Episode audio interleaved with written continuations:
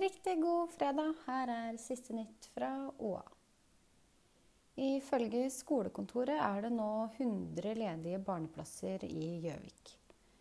Det er alarmerende, sier Arbeiderpartiets ordførerkandidat Even Solhaug. Han mener det henger sammen med befolkningsutviklinga.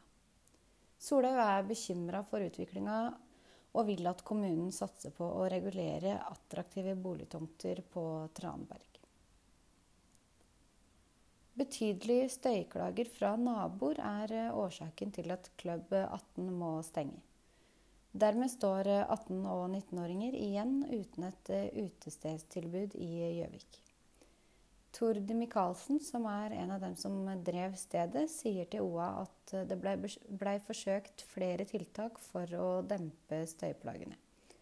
Det blei isolert og kjøpt inn et høyttalersystem som ifølge Michaelsen skulle bidra til å dempe støyproblemer fra naboer.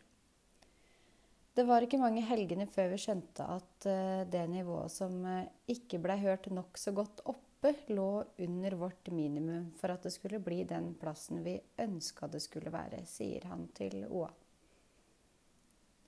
Christian Skau gir seg i Silvercon og starter ny nettbutikk med fokus på salg av LP- og CD-plater.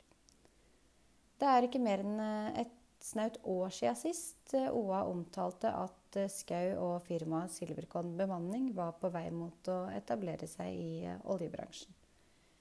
I en pressemelding skriver Skau nå at han har starta ny bedrift, og at han ikke lenger er Silvercon-sjef.